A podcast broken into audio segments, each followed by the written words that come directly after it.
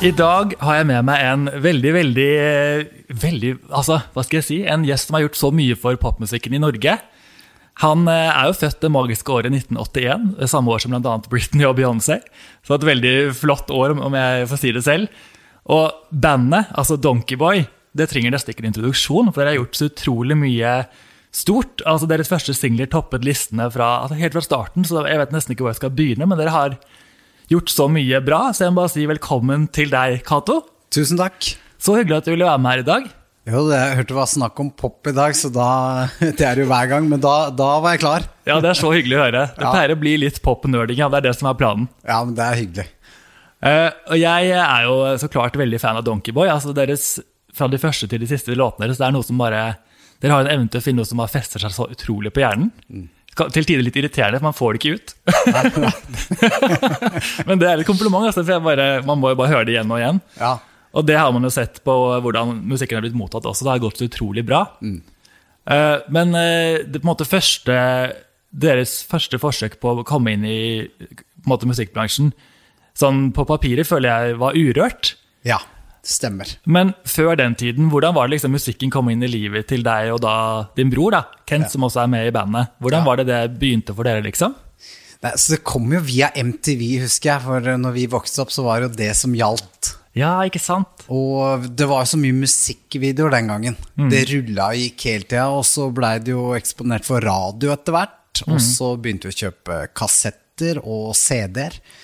Og jeg husker jeg hørte mye på Tom Petty ACDC. Ja. Samla på ACDC-kassetter og CD-er. Okay.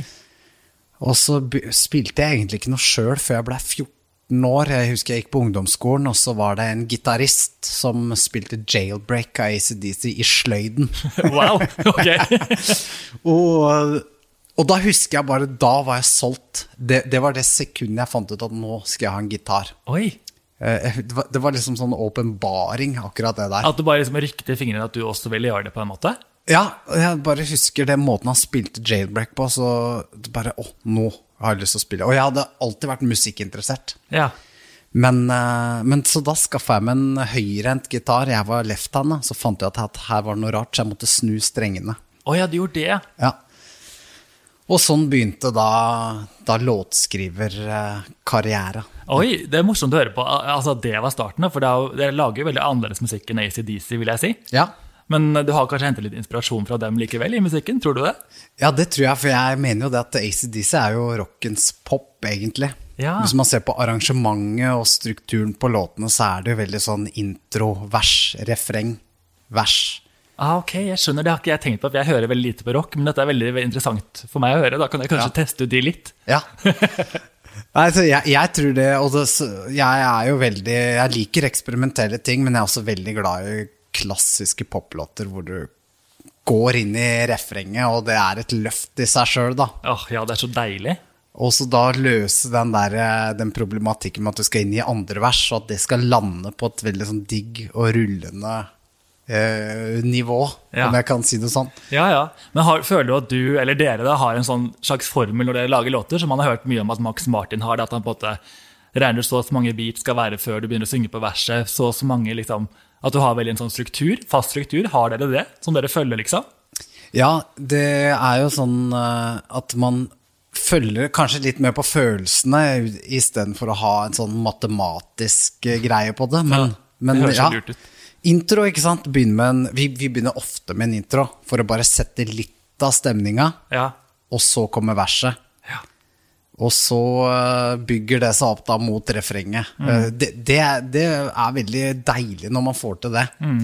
Men det, vi har jo eksperimentelle ting òg, hvor det liksom droppet eller refrenget går ned istedenfor opp. Og, ja. ja. For det vekker også en fascinasjon hos folk når man bryter det man forventer. Ja. ja det er interessant å høre. Eh, men Ok, Så da når du var rundt 14, så var det du begynte med musikk sånn ordentlig, sa du? ikke sant? Ja. Og så var det Urørt i 2006, når dere var med med Broke My Eyes. Stemmer. Som også kom med på deres debutalbum da, tre år senere. Ja. Um, på den tiden hadde dere da Eller hvordan fant dere egentlig resten av bandmedlemmene, kan jeg spørre om, da? Jo, det starta med For å ta det fra jeg begynte med gitar der, så ga jeg Kent, da, broderen, som synger i Donkeyboy, en gitar. Og så begynte vi å jamme sammen, og så hadde vi kassetter som vi tok opp riff på. Oh, ja. Så jeg har 30 kassetter liggende hjemme med, med riff fra den tida, da, og låter. Oi! Har, du, har du brukt noen av de til å lage noe i dag, på en måte? Kanskje. Det er, jeg husker annet navnet Donkeyboy, som ikke er verdens beste bandnavn, må jeg bare skyte inn. Men i 2001 husker jeg at jeg, jeg har den kassetten hvor jeg nevner det liksom, Ok, ja, nå må vi ha et bandnavn. Så blir Donkeyboy nevnt der, husker jeg. Oh, ja, oi! Og så begynte jeg å spille, spille en låter, dro til studio, og så i 2003 så skaffa vi oss en PC med Cubase. Ok. Og begynte å produsere. Vi kunne jo ingenting, da. Men vi la på trommer, vi la på En kompis var trommer. Trommis. Tromslager. Thomas, Thomas heter han, det er en klassekompis av Kent, og det er Ja. han som er trommis i dag. Så er han barndomsvenn. Ja. Eh, Så han spilte inn trommer og greier, og vi Broke My Eyes var en av de første låtene vi lagde på den PC-en der. Det var det, ja. Ja. Og for en pangstart. Altså, det høres jo veldig proft ut fra første sekund, syns jeg i hvert fall. Ja, det, vi fikk, fikk, fikk en stemning inn der som på en måte føltes fin. Og så husker jeg at Thomas, han trommisen, sa at du, vi må begynne å legge ut noe på Urørt. Ja. Men der er det mye bra, sant? så der har vi ikke kjangs. Og jeg var enig, det låt mye bra der. Så, men jeg oppretta en profil, og så lasta jeg inn på Urørt, da. ja. Og så plutselig poppa det inn i innboksen etter en stund at uh, Broke My Eyes uh, skulle bli spilt på P3. Åh, det må ha vært en deilig følelse. Ja, av alt jeg har opplevd i karriera Når eh, Siri Narverud Moen var vel Urørt-ansvarlig den gangen, Ja. sendte en mail og så sa klokka fire i dag så blir Broke My Eyes spilt på riksdekkende. Åh, satt dere klare da og hørte på radioen? Jeg sto og hoppa i stua, husker jeg. Det skjønner jeg så godt. Ja, det var stort. Ordentlig stort. Og for et fint øyeblikk. Ja. Eh, men hadde dere da Dere var jo da mer Urørt. Føler du at det førte dere veldig på veien til platekontrakt med Warner senere? og Var, var det liksom starten for dere, følte du?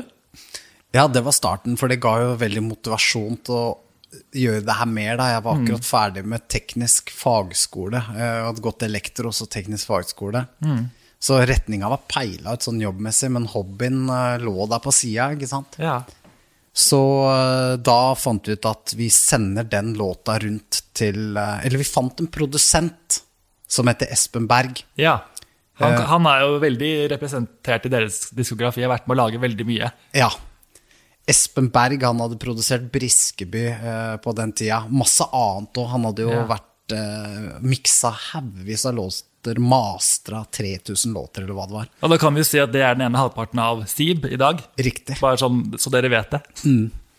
Så jeg sendte Broke My Eyes til han, eh, og han kicka på den. Ja. Men han var veldig busy, han hadde mye å gjøre, husker jeg. Så det starta med at jeg og broderen dro inn til living room, og så begynte vi å være litt sånn hjelpere der. Ja, For det er studio han jobber i? Ja. Eller jobbet i? Ja, og det, det er det de har i dag òg, han Ja, og Simen ja. Eriksrud. Så eh, vi dro inn der og lodda litt på mikseren sammen. Eh, Morten Harket husker jeg kom inn, og vi, jeg tilbød meg å vaske doen før Så ydmyk. ja, Så vi, vi åla oss litt innpå, da. Lurt, da. Ja da. Det, det, vi blei gode kompiser, og Simen hadde et eget rom der. Eh, Så vi begynte å jobbe litt med han, og så eh, fant ut at det enkleste er at vi betaler for at vi får produsert ferdig noen låter Ja. som vi kan ta videre til plateselskap. Så eh, jobben vår finansierte liksom de produksjonene, da. Ja, jeg jeg som elektriker og så videre. Og så satt vi der, jobba, jobba, jobba, jobba, og så eh, fikk vi på et eller annet tidspunkt Jeg hadde en demo som var helt annerledes enn det Ambitions er, men han het Ambitions. Oh ja, ok. Og hadde, hadde en sånn Han hadde ikke den åttendels-viben sånn direkte. Det var mer sånn. Ja. Den kicka Simen på, husker jeg. Og så kom han med noen ideer at la oss produsere den mer som en sånn straight åttendedels-vibe. Han programmerte inn noen trommer. Eh, Jeg la akkorder der. Broderen tok og sang versmelodien. Ja, ok. Og denne, den, den låta der tok egentlig veldig lang tid. Så det var ikke noe sånn dere følte sånn her har vi hiten, her har vi liksom den store låten vår. Det kjente dere kanskje ikke på allerede, da, eller hadde dere det på følelsen? Nei, den, for meg så er den låta unntaket på at ting skal klaffe med en gang. For det, den gjorde egentlig ikke det. Nei. Men uh, vi gnukka gnei på den. Jeg hadde noe refreng der som jeg prøvde å synge på, men så var det litt sånn en bortgjemt melodi som aldri klaffa helt. Det er så fascinerende. Jeg kommer mer tilbake til Ambitions, Ja, ja. men bare sånn at vi ikke glemmer resten av bandet. Ja. Så er det også Alexander Garborg, har vært med frem til 2012. Mm.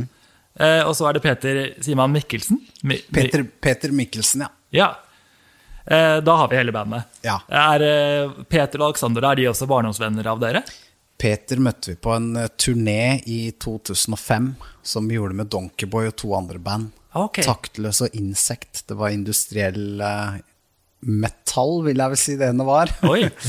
Og som jeg også spilte i tidligere, og så var det Taktløs som var litt sånn rap. ja. Men der møtte vi Peter på den turneen, da. Og han eh, Måtte dere på en måte forklare hva tanken deres var, eller var han veldig åpen for å bare prøve å bli med? Nei, for vi hadde jo Urørt-låta, 'Broke My Eyes'. Eh, Ja. Det var sånn hype på den i Drammen, da. Ja.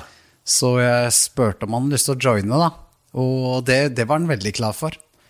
Så vi, eh, vi gjorde vår første gig sammen i 2006. Ok. Mm. Og så var det Urørt, og så eh, jobbet jeg med Broke My Eyes. Eh, men så, ja, nå må jeg nesten bare gå til Jeg har så- lyst til å gå rett til Ambition, for det er så mye mer å si. Ja. Men jeg skal bare eh, si at dere har jo Nå er det en liten stund siden dere har sluppet eh, altså, ren Donkeyboy-musikk, på en måte. Ja. Eh, men dere har jo mange andre prosjekter på gang også.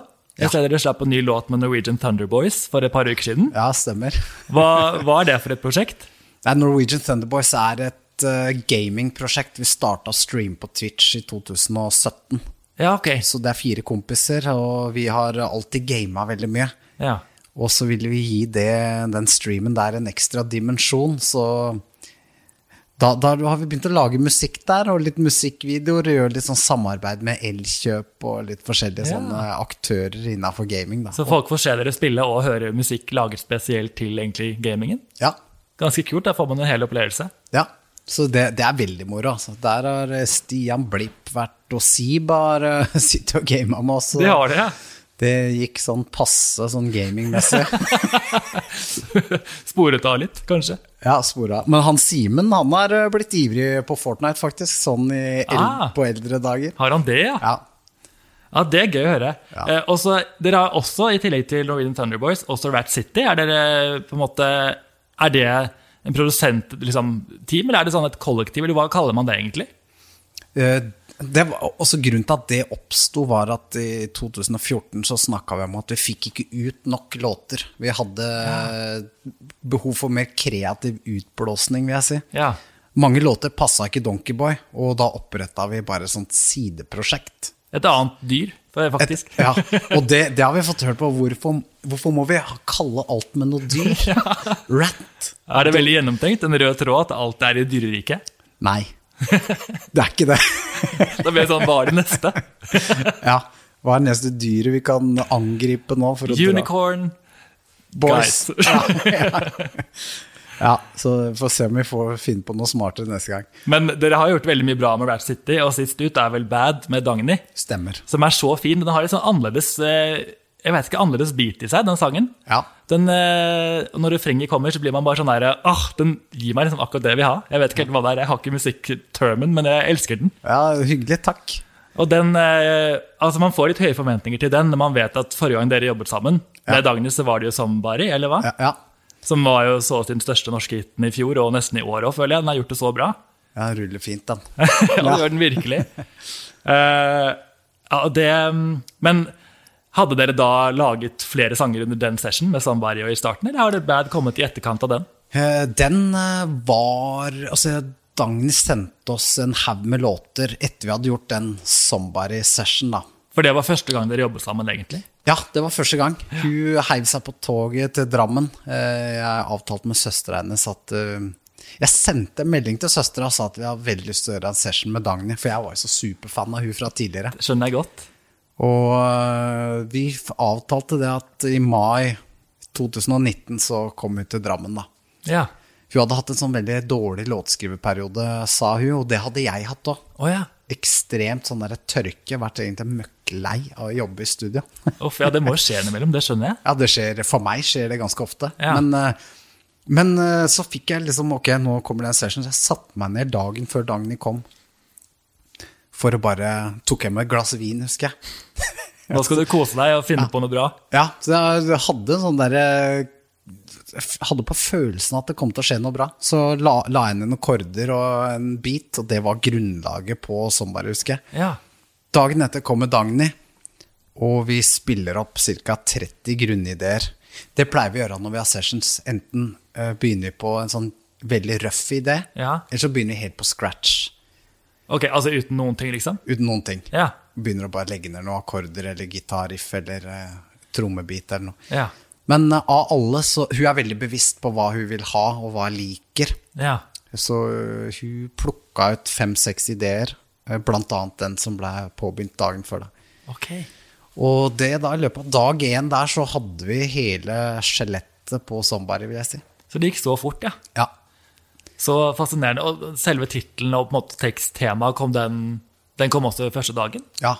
Eh, Dagny bare rulla ut alle orda der, og det klaffa veldig fort, altså. Ja, og det hører man jo, det høres så utrolig naturlig ut, og den er også fengende, så det er derfor jeg føler den bare appellerer til så mange, for den er liksom så ikke uanstrengt, da. Den bare er så glad og fin. Ja, det, det er veldig vanskelig der å få en sånn veldig enkel melodi og tekst og vibe. Og så er han, han er nesten for enkel sånn i antall ord i refrenget, f.eks. Men, men han trigger akkurat de riktige tonene, føler jeg. Ja, det gjør den virkelig.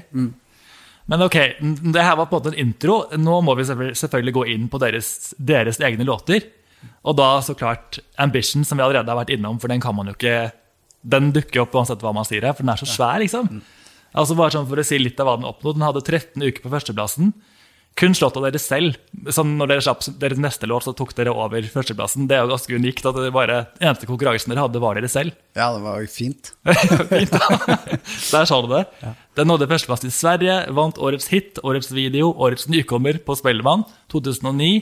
Har solgt tre ganger platina i Norge. Det er ganske vilt for en første låt. Eh, jeg vet ikke hvordan man skal si Hadde dere egentlig, Var det her den åpenbare første singelen, eller var det liksom vanskelig å velge låt å gi ut og når dere hadde signert kontrakt med Warner? Var det sånn Ambitions må ut nå, eller hvordan var det det valget ble tatt? Det, jeg husker vi pitcha den låta rundt, og alle labela var egentlig interessert i å signere den. Ja. Men, eh, men den gangen Terje Pedersen i Warner, han er jo en eh, legende innen A&R i Norge, vil jeg si. Han sa det rett ut. Gutter, dette her er en hit. Ja. Hva må til for at vi, dere skal komme til oss? Ja, Veldig enkelt og greit på en måte. Så, så enkelt sa han det. Og vi fikk jo veldig god kjemi med han og har god kontakt med han den dag i dag. Og han sa det at det, det var, han var veldig tydelig på å velge singler okay. for oss.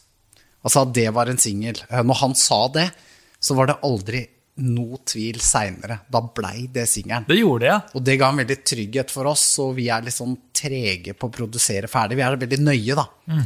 Så ja, sånn, eh, sånn sett var det en satt singel. Ja. Jeg blei veldig lei den låta rett før han ble ferdig, okay. og tenkte at uh, den her, denne må Jeg var så lei den at jeg tenkte dette kommer til å gå sånn passe Det er litt, litt dårlig start å bli så lei før den er ute. Før dere skal opptre den 100 millioner ganger. Ja.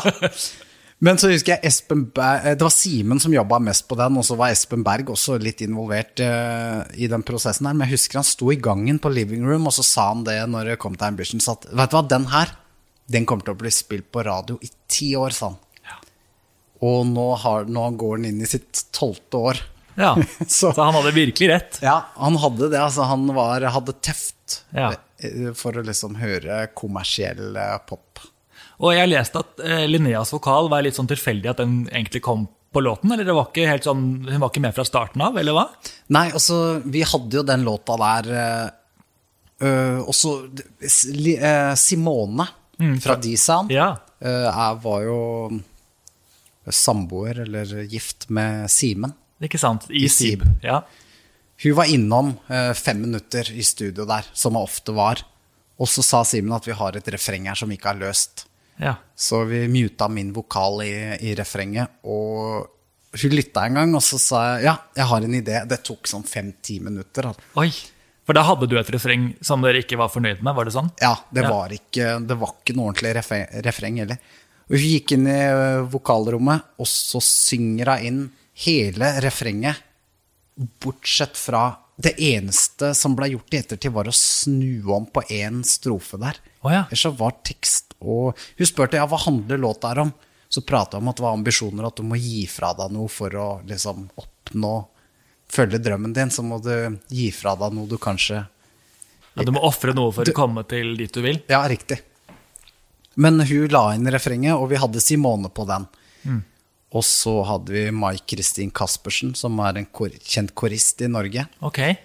Og så ringte vi faren til Linnea for å spørre om hun var interessert til å prøve det refrenget her, da. Dette er Linnea Dale altså, bare så dere vet det. Ja. Eh, men fordi dere kjente henne da litt fra før, eller? Nei, vi kjente ikke hun, så jeg drev og fant ut hvordan jeg kunne komme i kontakt med hun, og kort fortalt typen til bestemora mi, for hun Jeg må jo si type, jeg vet ikke hva jeg skal kalle den. Er det bestemor som eh, pulled the strings?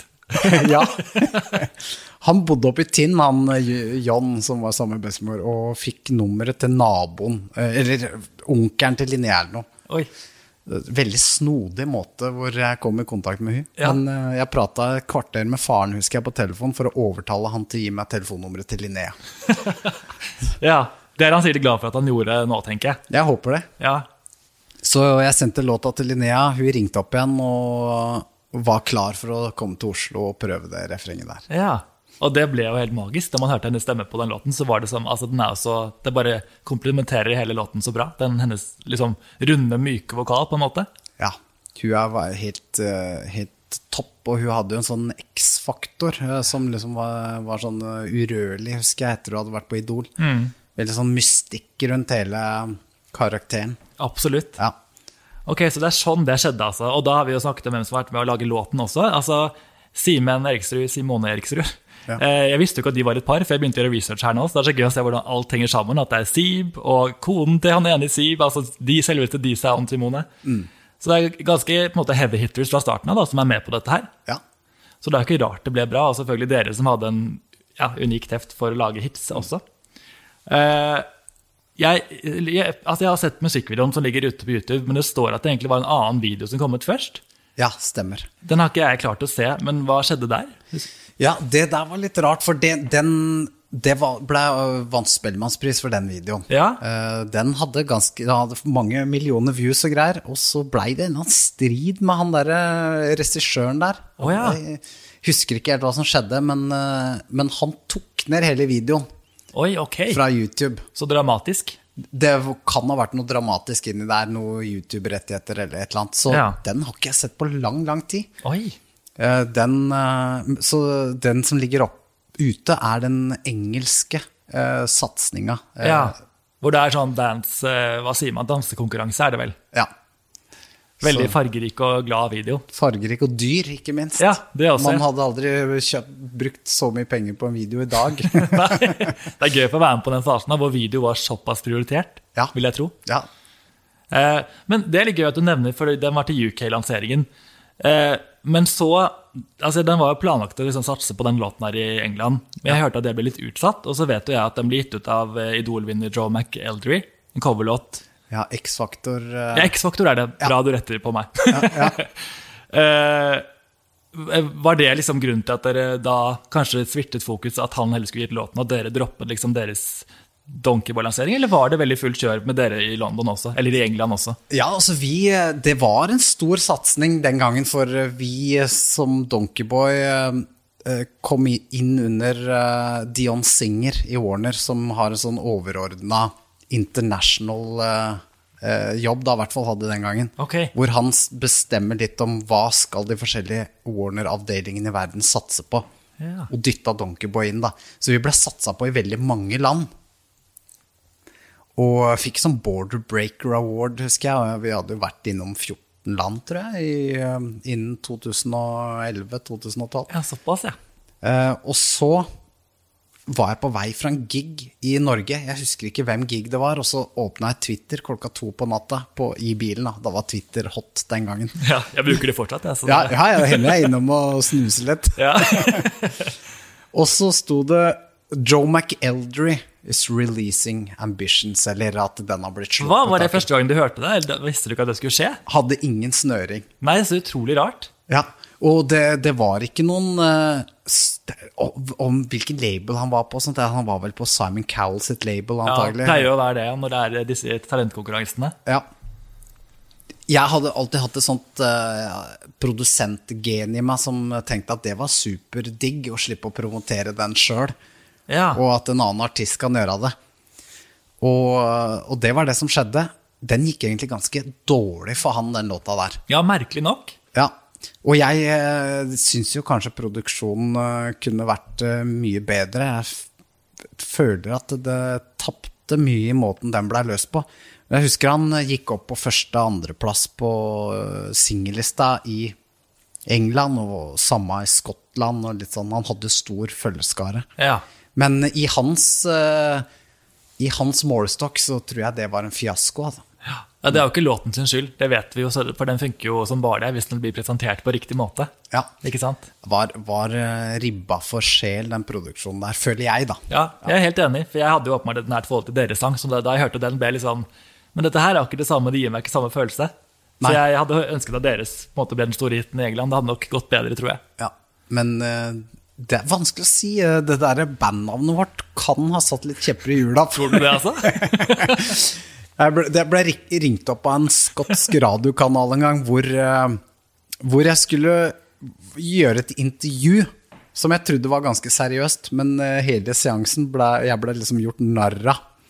eh, Med Donkeyboy og sånt. her. Jeg oh, ja. ante ikke det før vi var sånn ca. 15 sekunder ute i radiointervjuet. Så skjønte jeg at her ble jeg pissa på. Og da liksom. kunne du ikke bare legge på. Nei, så jeg gadd ikke også være han som på en måte ble hissig heller. Så jeg prøvde å fade ut av den der, det intervjuet der uten å liksom lage for mye styr, da. Ja, den ser man vil ikke ha noe angry donkey. Nei, det er ikke sant. Så, Bra, artig ordspill. ja, så jeg prøvde liksom ikke feede de der eh, kommentarene hans så mye. Men det var merkelig greie, altså. Ja, Det høres veldig rart ut, men apropos det, så har, dere har gitt ut en låt med Matoma hvor det står bare 'featuring D-boy'. Ja, stemmer. Var det et forsøk på å liksom komme bort fra Donkeyboy da, eller? Ja, da var det, Ja, det var eh, Det var jo det. Ja. Ikke, ikke bort fra Donkeyboy, men kanskje det at Bare eh, navnet? Ja, Få en litt sånn morsom feature der. Kanskje de som kjente en Donkeyboy, ville ane at det var D-boy. Ja. Uh, så For det var litt snakk om det at kanskje at det, det sto feature Donkeyboy med han, kunne være litt sånn der spesielt i enkelte land. Oh, ja. Fordi at Donkeyboy har forskjellig mening i hvilket land du er i. ja, så det betyr kanskje noe negativt i visse land? Ja. Ja. Det Så- kan jo folk google hvis dere Ja. blir nysgjerrig. Så kan du slippe å forklare det. Søkt opp. uh, ok, men vi, må, vi går til uh, singel nummer to. Ja. Man tenker at det er utrolig stort press å følge opp Ambitions. altså Hvordan skal man klare å toppe det? Men dere gjorde det jo. Eh, og det var da kanskje A&R-personen deres som var Spottet du at det her er den perfekte oppfølgeren? Eller hvordan skjedde det? liksom, Hvordan ble Sometimes til, og det der, da? Ja, vi hadde jo, hadde jo Ambitions, og så hadde vi resten av albumet som i utgangspunktet var ferdig, men det hadde Ja, okay. mer et akustisk sound. Oi. Og det fant vi ut at uh, vi må gjøre om så å si alt det, da. Og få mer sånn Bare omprodusere de? Ja. Og dette prata jeg, Espen Simen, Kent mye om, og Terje fra Warner ringte jo og maste på meg, og det var lange arbeidsdager og mye press, husker jeg, på den tida der. Det kan jeg tenke meg. Og eh, en voldsom, eh, voldsom forventning rundt andre singelen. Og den var ikke klar når eh, Ambitions var ferdig. Nei, for Det lurte jeg på, for det hadde gjort det litt lettere hvis dere hadde den ferdig. og var sånn, Nå har vi to på rappen, liksom. Når dere da må lage den etterpå og fullføre den, det må være et ganske tungt press. ja. Ja. Og det var jo, men så, så dukka Sometimes opp, da, og hadde litt likt sound. Og det var mye av avgjørelsen for at det skulle bli oppfølgesingel. For det er jo naturlig at du, du trenger ikke å bytte totalt sound når du har satt et preg. Nei, Noe som funker så bra. Ja. Da er det fint å følge opp, sånn at du hører at dette er eh, samme vibe nå, på en måte. Man merker jo ofte det med artister som debuterer så stort som dere gjorde, at andre singler ofte er ganske lik debuten. Mm. Ja, Sikkert ja. for ikke å skremme bort folk, man setter sounden litt mer, Ja, som du jeg, sier. jeg tror det, det tror jeg er bra, så kan du heller eksperimentere litt sånn seinere. Mm. Så det, det, men det funka bra. Da. Samme at Terje valgte 'Sometimes'. Så det er veldig mye sånn tvil uh, før du slipper en låt. Ja. På om det er rett låt, og, eller hva tenker du på? Ja, er dette riktig? Er den bra nok? Eh, Er det lurt å gå så likt i soundet? Mm. Ja, det, sånn er det jo hele tida. Det tror jeg gjelder for alle som slipper en låt. Ja, Man blir jo sikkert blind på sin egen låt òg. Om, om den er bra eller ikke. Man har vel hørt den så mye at du bare, det er vanskelig å sikkert ha en objektiv mening om den til slutt. Ja, innimellom så er det veldig vrient. Og noen ganger så tror du at det går kjempebra, så går det egentlig ganske dårlig. Så, Ja. så det der er ingen fasit. Men, men du kan uh, følge din egen magefølelse, og ofte så er det rett, da. Ja. Hvis du har teft. Og som jeg nevnte, så gikk jo den her rett til førsteplass og danket da Ambitions ned til andreplass. Som er første gang at det har skjedd noensinne at en norsk gruppe har hatt første- og andreplass. Ja. Det er jo en vill rekord å sette bare med de første utgivelsene deres. Det er ganske utrolig. I hvert fall når du er fra Drammen. Ja, enda større, kanskje. Ja. Drammen må ha vært helt overgira på den tiden her.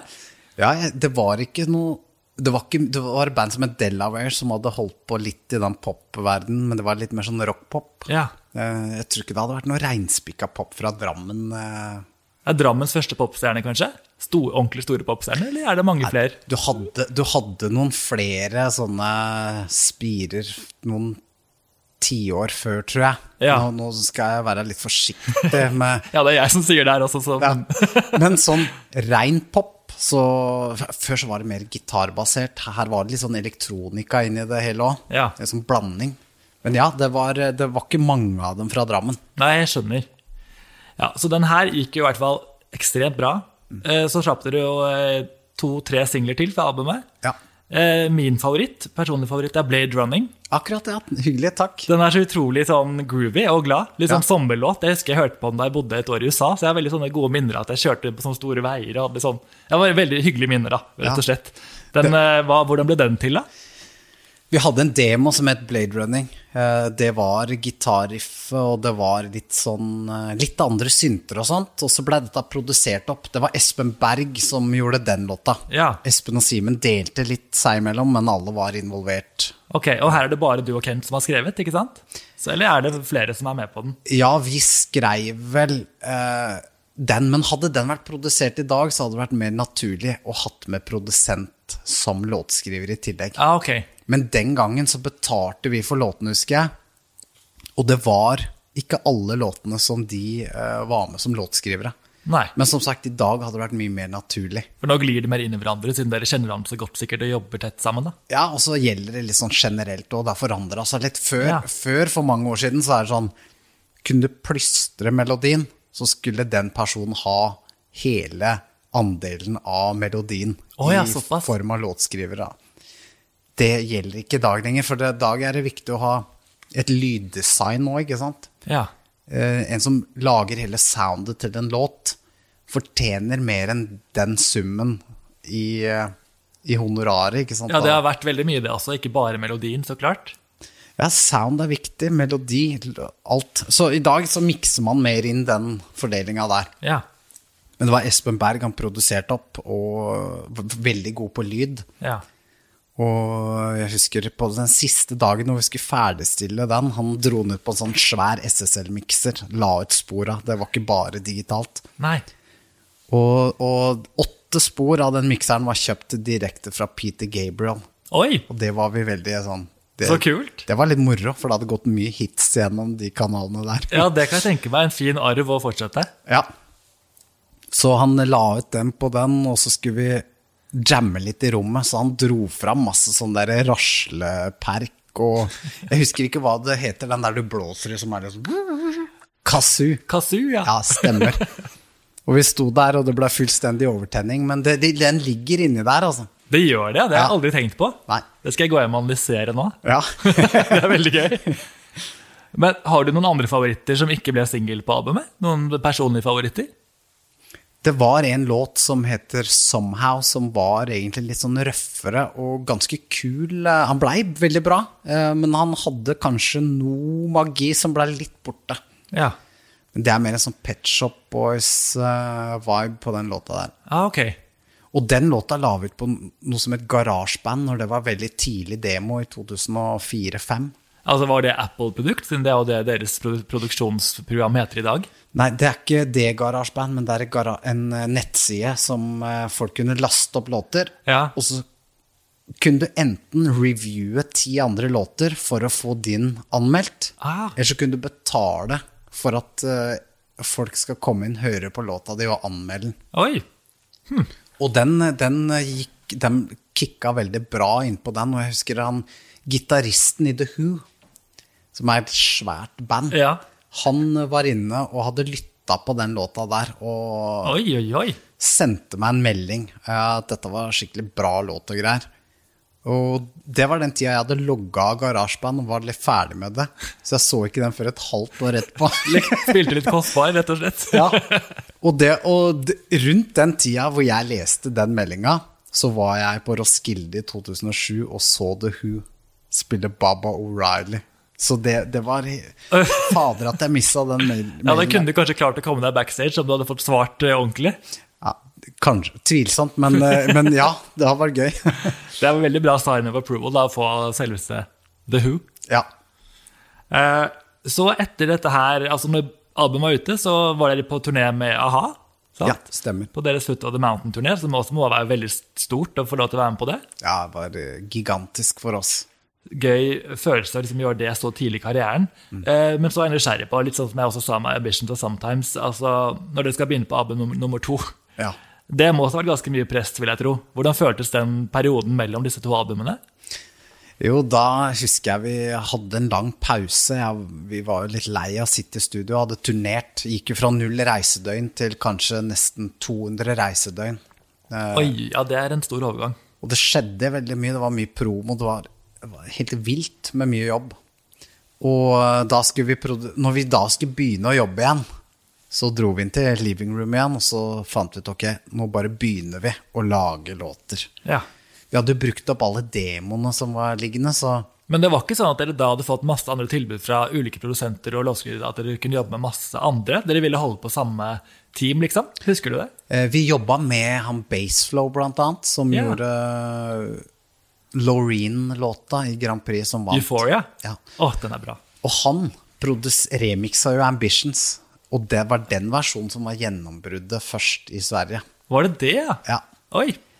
Så, men, eh, men eh, ja, vi dro til Espen og Simen igjen. Ja. Eh, Det var ikke noe grunn til oss å se noe lengre, føler jeg. Nei, nei, nei. Hadde veldig god kjemi med dem. Ja.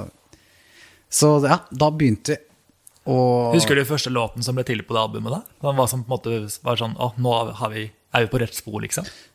jeg husker Espen hadde sittet og produsert noe track. Han hadde sittet og fått av grunnkompet på Cityboy. Ja. Og så sa han det her er inne på noe bra, sånn. Og vi kom inn og hørte. Tok det tracket hjem til Drammen. Spilte opp i studio. Kent, mm. Kent skulle prøve å legge melodi. ja. Og det første han da gjør, er eh, I den demotaket så legger han både melodi og tekst på refrenget. Det kommer med en gang? Ja, så det du hører på innspillinga, er det første som faller inn for han, da. Oi! Så det, det var litt sånn unikt. Tenk at det bare kommer av seg selv. Da blir man sånn, Det er så fascinerende. Hvor, hvor kommer de fra, liksom? Jeg skjønner ikke det. Nei, den, eh, den ble henta fra det indre. Ja, Så fint å tenke på. Ja. Og det er vel litt det den sangen også handler om, at det er, man har noe inni seg liksom som vil ut. Eller du kan kanskje forklare det bedre enn jeg gjorde nå. Jo, men det er, det, er, det er riktig det du sier. Altså, temaet der blei jo uh, at du har noe Du vil ut med noe. Mm. Underneath my skin there's an eagle. Ikke sant? Det er en ørn som vil bare slå vingene ut. Ja. Så det blei ble et tema. Det var, det, det, man måtte jo lage tema ut ifra de tilfeldige orda han hadde kasta ut. Ja. ja. Men det at det kom en melodi bare fra det indre og ut, så henger det jo det litt sammen. ja, ja, absolutt. Ja. Det er veldig fint å tenke på at låten er såpass måte, ja, gjennomført fra den ble til til budskapet og alt mulig. Og de, den er litt sånn kynisk, den låta der. Litt sånn Den melodien ruller jo og går. Vi prøvde jo alltid å lage et prekorus til den låta, men det Ja. funka. Vi klarte aldri å få noe som kunne lede inn i refrenget, så vi dupliserte refrenget. Ja, ok. Kjørte to ganger isteden. Ja, for den er mye mer sånn eh, hva skal jeg si, litt sånn flatere struktur enn Ambitions og Sometimes, som både kom et refreng som løfter opp. Her er det mer litt sånn, det er et stort refreng, Ja. men det er ikke sånn at den liksom, det er ikke lift-off, det er en annen type, som du sier. En annen struktur, liksom, føler jeg. Ja. Så istedenfor å, å få til det prekoruset, så blei det ett refreng med trommer og tracks. Men så i refrenget, eller på runde to, så ble det adda synter. Ja. For å få et lite sånn hakk opp, da. Ja, ok. Ja. Og den, den her gjorde det også dødsbra. Den gikk jo til førsteplass i Danmark også, Mm. og i Norge. Jeg vet ikke hva som skjedde med Sverige her. Har du noen tanke om hvorfor den ikke liksom, toppet listene der? Nei, den funka ikke så veldig bra i Sverige, og Ambitions funka ikke veldig bra i Danmark. Nei, rart. Derimot Finland tok begge. Ja, Finland Så- elsker Donkey Boys. Ja, du, det, var eh, Vi var godt tatt imot der. Ja, Ja. Det er morsomt å høre. det. Det kan ha sånn seiersrunde i Finland om noen år. Ja. Greatest Hits Tour. ja. Gøy. Og, eh, så er det jo, her er det jo eh, på en måte albumet uten Linnea, som var litt sånn stor greie, for man er så vant til å høre dere med hennes stemme. ja.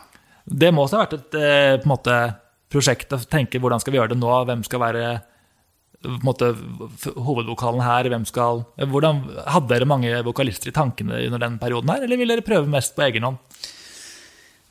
Det, det var litt vrient. Linnea var eh, Hun ville gjøre egne ting. Ja. Uh, og for mange så framsto hun som et medlem, og jeg syns jo det at det hadde vært en bedre helhet om hun hadde vært liksom en del av bandet à la Fleetwood Mac. Men det var ikke lett for hun eh, som eneste jente, da 17-18 år, og med en gjeng med 27-28-åringer som uh, hadde det gøy på turné, ja. kan ikke ha vært uh, så veldig lett. Nei, ikke sant. Men vi har uh, veldig god kontakt og har gjort en låt sammen for noen år siden. Og, Ja. ja. men det, så det der Det, det blei blei sånn. Og da sang Kent. Og vi hadde også noen features, husker jeg. Blant annet eh, Ja, Vivian synger vel på Pull of the Eye. Ja, Veldig, veldig kul låt. jo takk. Ja, den gikk også fint sånn sett som en For det var vel singel to fra det albumet, Ja, mener jeg. ja det tror jeg òg. Ja. E- Elisabeth eh, var ei som het som sang der. Ja, vi, vi, men vi hadde lyst til å synge en del sjøl, da. Ja. Eller broderen. Jeg hadde ikke så lyst til å synge lenger, så jeg sang på én låt, tror jeg. Ja, hvilken låt er det? Jeg, Get, get, Up. ah, ok. Ja, det får vi følge nøye med på når vi hører gjennom albumet neste gang. Eh, og det her er jo albumet Silver Moon, det sa jeg kanskje ikke, men tittellåten er også en veldig stor låt. Jeg husker bare da jeg hørte den, og egentlig liksom hele albumet deres, så ble jeg så lettet, for jeg kjente at dere hadde klart å finne en sånn holde på magien da, i Donkeyboy. At det var den der deilige følelsen fortsatt, bare på en litt sånn kanskje litt hardere, litt sånn kaldere pop, elektropop-måte, syns jeg. Ja. Den er mer syntbasert, hele den viben der. Ja. Litt kjøligere synter. Ja, det er det absolutt. Men veldig, ja, veldig bra. Var dere på noen turné med det albumet her også? Vi hadde aldri noen sånne komprimerte turneer. Vi dreiv og spilte hele tida. Ja. Eh, litt mer sånn spredt. Og vi gjorde vel noen klubbegreier. Eh, og studentsteder. Det gjorde vi. ja. Ja. Og så gjorde vi jo TV-show rundt omkring. Blant annet Danmark, husker jeg. Eh, For øvrig det villeste vi har opplevd. Det var Kent var full på Jegermeister og skal framføre Cityboy, husker jeg. E Hva, hva var arenaen, måtte jeg på å si? Hvilken scene var dette? Nei, det, det var Eller var det The Voice, var det? Ja. Eh, Lene Nystrøm, Aqua-Lene, var Ja. i juryen. Altså en drømmegjest i podkasten, må jeg bare si. Ja hun, har, ja, hun har vært her? Nei. Nei, jeg drømmer om å ha henne. Ja, ja. Hun, hun satt i juryen i The Voice, og så var det tre andre kjente dansker. Ja. Og så Cityboy hadde jo pika, så de ville ha inn oss til å representere favoritten. Det var finalen, det her. Okay. Og og så kom det en annen fra Amerika som skulle spille eh, sammen med han, han andre finalisten. Da. Og Kent, han, øh, han skulle synge, resten av skulle gjøre playback. ok. Kent måtte bære hele denne byrden sjøl, så han hadde en Jegermeister på innerlomma som vi ikke catcha at han hadde før, øh, før to timer før vi skulle på show. da. Så han prøvde å roe nervene litt, eller hva? Han eh, roa nok nervene litt, så han gikk og smatta på den. Og så merka vi at han begynte å snøvle litt. Og så sa jeg, Kent, nå, Vet du nå må du, hva er det du driver og drikker nå? For nå begynner det å snøvle, liksom. Du skal snart på TV. Så jeg tok fra en Jegermeister-flaska. Og så gikk det da en time til, men det, det blei ikke noe bedre. Du gjorde ikke det, da? Så han snøvler på scenen nå når han synger live på TV? Ja, altså Det som var at Han hadde en liten jegerflaske til som oh, han hadde på underlomma, så jeg hadde bare tatt den ene. Han var jo altfor godt forberedt. Men det som skjedde der, var at det var dårlig lytting. Og ikke bare det, men vi hadde tatt med oss en boks som hadde litt vreng og litt uh, sånn uh, tuning på. Okay. Og den hadde sånn touch-knapper. Og den la vi under scenegulvet. Og der hadde det vært en tekniker og kommet borti en sånn derre trippel voice-effekt. Sånn at det la seg to-tre stemmer oppå hverandre. Ah, Dette fikk dommerne servert i øra under opptreden. Mens ut på TV så hadde de direktelyden, så der låt det ikke, ikke sant? Der låt det bra. ja, ja, ja. Men eh, Det var jo flaks, da. ja, det er kanskje den vondeste opplevelsen jeg har hatt i hele mitt liv. For etter det TV-showet der, så gikk vi av scenen. Jeg husker jeg så bort på Peter, som var gitarist. Han var helt bleik i ansiktet, for han hadde fått denne i Å øra. nei. Og også litt kjipt at det skjer på The Voice, når det både handler om her kan vi synge bra. Ja, ja. Men, men eh, det, ja, det var vondt, altså. Men som sagt, når vi dro da fra Danmark så ut på TV, så hadde det jo vært eh, bra lyd. Og det direkte vokalen hadde vært der, så den poppa opp igjen på iTunes. Men vi ødela jo for han der favoritten, for han vant jo ikke. Å nei! Sikkert litt dårlig stemning der, ja. Ja, uff a meg. Det er mye fælt. Å, det var et uh, gøy, altså vanskelig, men gøy minne, må jeg si. Ja. Eh, etter det så har dere gitt ut litt sånn litt singler og eh, altså blanding av greatest hits og Jeg har ikke helt, på en måte helt klart å Dere slapp jo The Hits i 2014. ja. Eh, men før det så den ble på en måte ledet inn av Triggerfinger. Kanskje? Jeg er litt stemmer. sånn surrete på hva som kom først og når, men det er også en veldig kul låt som er laget med Kajsa, Stemmer. som er artist i egen rett. De har synger bl.a. Hideaway, som er veldig kul. Ja. Eh, hvordan kom dere i kontakt med henne, da? Husker du hvordan den eh, del ble til? Ja, det husker jeg, for det var en A&R i eh, New York som heter Rami. Han saumfarte alltid topp 10-listene på iTunes i verden. Det er ikke han, der, det er ikke han altså, produsent Rami også? Eller han der Rami Jakob, eller noe sånt? Nei. Det er han som jobber med Max Martin, i så fall. Uh, det, nei, det er ikke han, men det er han som produserte Hideaway. For Ja, det er Kajsa. det. Og han uh, driver publishing-selskap under uh, Uh, Nå husker jeg Ja, det samme. Ja. Men han, uh, han saumfarte topp 10-listene på iTunes og så at Cityboy lå høyt oppe, og han hadde hørt på den. da. Så fikk vi en uh, mail-forespørsel fra Kajsa. Ja.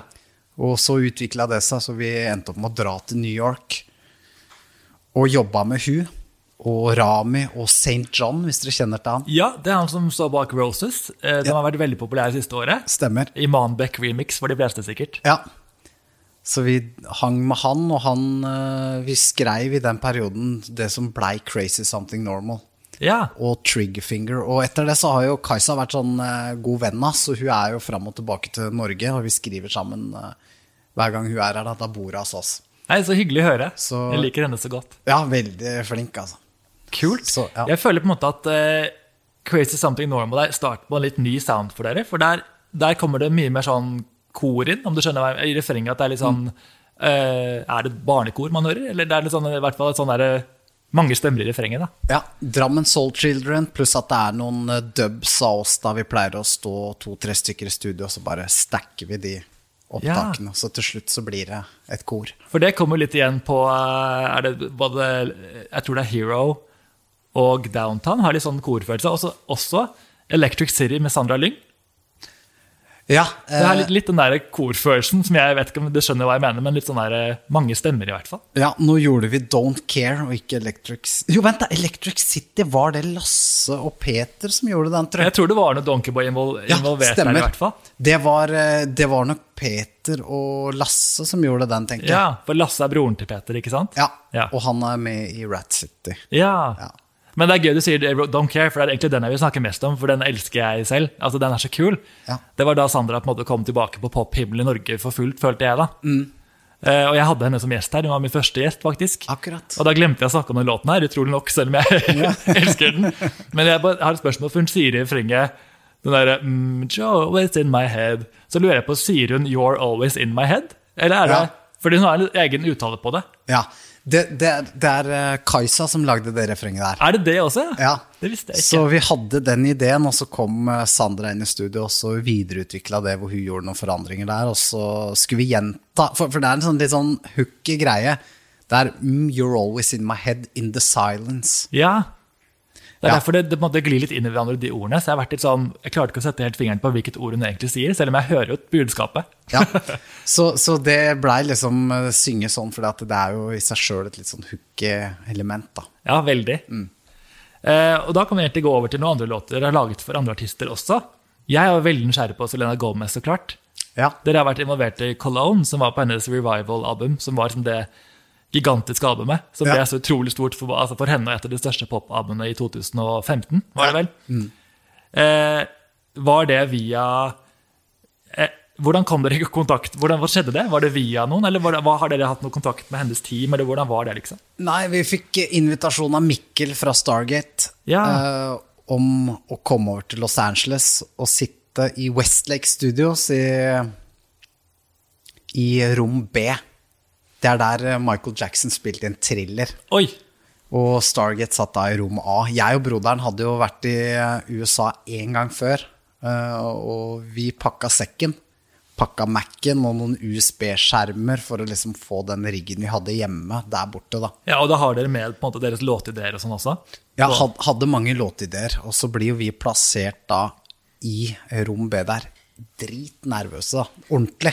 Uten å vite hva, hvem dere skal møte, eller hva dere skal gjøre? Jo, vi, det skulle være en camp for Selena, husker jeg det sto i mailen. Ja. Så jeg antok det var hun. Ja. Men jeg, jeg, jeg, Fins det flere, kanskje? Ja. Så vi ble plassert der sånn. eh, Leide et hus og greier. Dro ut til studio.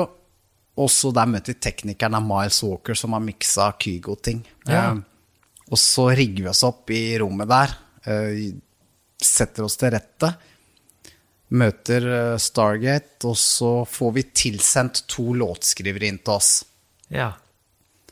Og det var da Og han heter Jon John et eller annet. Han var i hvert fall med i uh, Snow Patrol og gift med hun der en fra Friends, husker jeg. var veldig ja, sånn, oi! Courtney Cox. Var han det?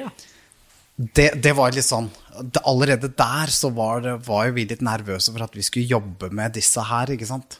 Vi hadde ikke gjort så mange sessions for andre på den tida der. Nei. Så vi dro opp en haug med komp, og så fikk vi veldig god vibe på de første låtene der.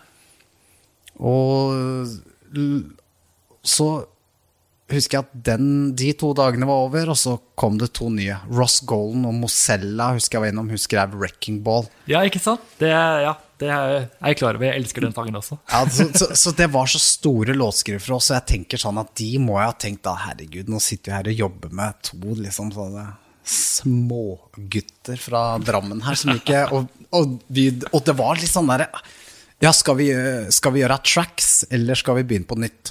Uh, og vi, vi vil jo helst gjøre tracks, ikke sant? Ja, Ville ikke okay. begynne å liksom gjøre ting på sparket der, for det var vi litt nervøse for. Ja, det skjønner jeg. Litt uh, intimidating. Og han Ross Golden hadde en sånn spesiell måte. Ok, uh, hvis vi skal gjøre tracks, da vil jeg bare ha dem lina opp i prosjektet, og så skal jeg stå inne i studio, og skal jeg ikke høre noen av dem før jeg synger i mikken. Oi! Så han bare heiv seg på, og visste jo ikke helt når refrenget kom, men han bare heiv ut den melodien. Så gjorde vi sånn fem-seks tracks på det, helt til vi kom til Cologne. Ja. Det naila han på første forsøk, da. Gjennom hele. Da bare klaffet alt. Ja, det gjorde det. Og den kicka liksom alle på, den Cologne-låta. Og vi dro jo hjem for dagen der, eh, og Stargate satt og hørte gjennom alle låtene som ble gjort på den campen. da. Og den kom seg fram til albumet, og det var veldig stort for oss. Det skjønner jeg godt. Det husker jeg, jeg har vært fan av Selena Gomez så lenge, så når jeg så at det var enda mer norsk, eh, norsk involvert på det albumet, så ble jeg så stolt, liksom, på deres vegne. Veldig gøy å se. Det var jo så sprøtt for oss å dra liksom dit og jobbe med såpass etablerte folk. Det, det var så sterke inntrykk rundt den turen, husker jeg. At til og med den parfymen jeg kjøpte fra den turen, Når jeg lukter den, så minner meg om den der tida i rommet der. Det er veldig fint når det er cologne vi snakker om på maten. Ja, Ja, og ja faktisk. Og det var helt, eh, ja, helt magisk. Så gøy. Herregud. By the way så har Ross Golden en egen veldig fin podkast. Har du hørt på den? And. The Writeries. Ja, Elsker den. han er veldig bra type, han der. Han er det. Ja. Kult. Eh, et par andre låter dere har jobbet på. Nå skal jeg bare gå litt fort gjennom, så ikke, det er så mye å snakke om. Dette jeg bare prøver å holde tungen rett i munnen. Dere har også vært med på um, Chris Holston Mexico. Stemmer. Og der ser jeg at eh, Lasse, altså broren til Peter, også er med å skrive, sammen med Chris og dere. Ja. eh, han Lasse jobber jo hos oss eh, i Drammen. Han har et eget rom der, så vi tre jobber liksom hver dag der. Ok, Så han er en del av det musikkollektivet, på en måte? Ja. Sånn har vi egentlig jobba med siden 2012-2013. Ja. Og eh, Marcus og Martinus, da? Dere har laget Remind Me med dem. Ja, stemmer. Hvordan var det samarbeidet? Var det gøy å være i studio med de to? Ja, de kom til Drammen. De har vært der mange ganger i ettertid, og vi eh, har det veldig moro å game litt og holde på. De kom jo til oss, og da er det klart, da sto småjentene og hang i gatene.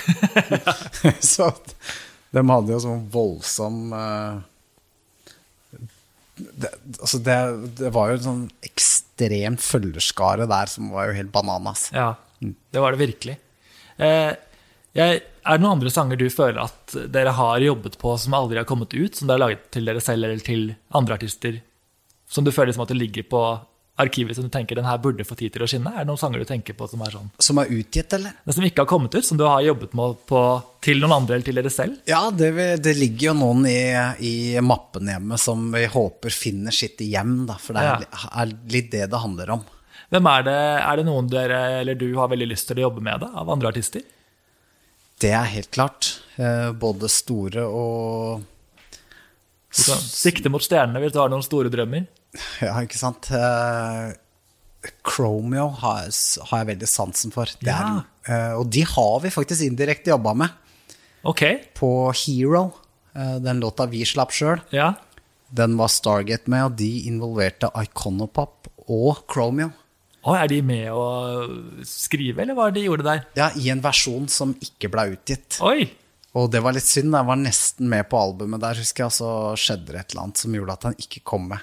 Å, så synd. Det var voldsom eh, hype rundt den låta der. Ja, det skjønner jeg, da. Det er veldig mye store navn involvert. Ja, Men så blei ikke det noe, så da var vi litt uh, kjappe på labben og tok låta sjøl. Ja.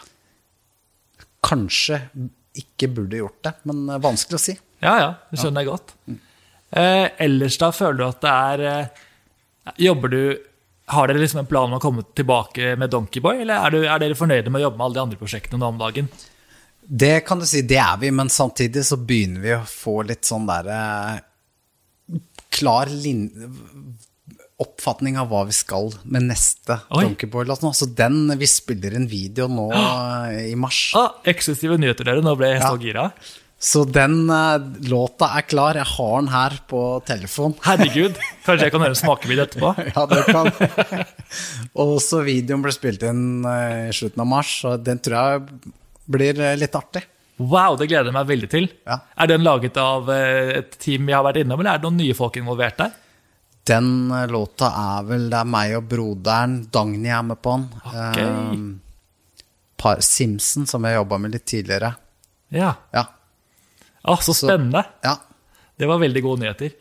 Uh, ellers så er du med i det nye NRK-programmet De neste, Stemmer. som hadde premiere nå nettopp. Eh, veldig fint program. Gratulerer med å være med der. Jo, takk for det.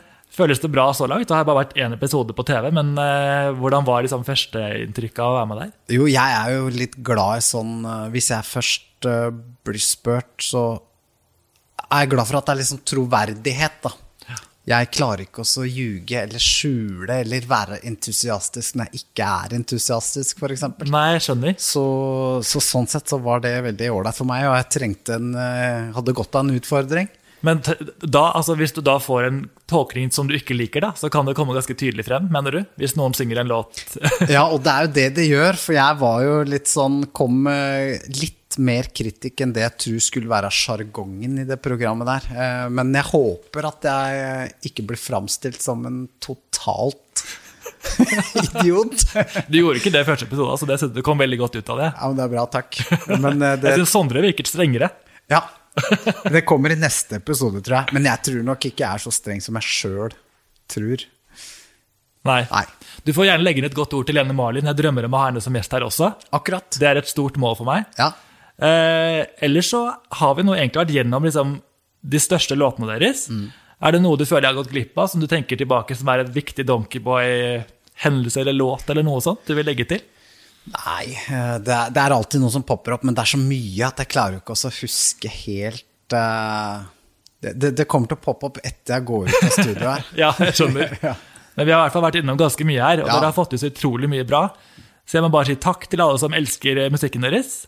Takk. Eh, takk for at du ville være med her. Jo, takk. Takk på vegne av fra mamma og pappa, som elsker, elsker Ambitions overalt på jord. Ja, det er da for å hilse og si at man har ekstremt god musikksmak. Det skal jeg gjøre, Ja. og da blir de stolte. Og ja, tusen takk for at du var her. Det var veldig, veldig gøy. Takk selv. Du har nå hørt på Popstagi med meg, Erik Rydning, og jeg er så glad for at du lytter. Du kan gjerne gå inn og anmelde podkasten hvis du vil legge til fem stjerner og en liten anmeldelse.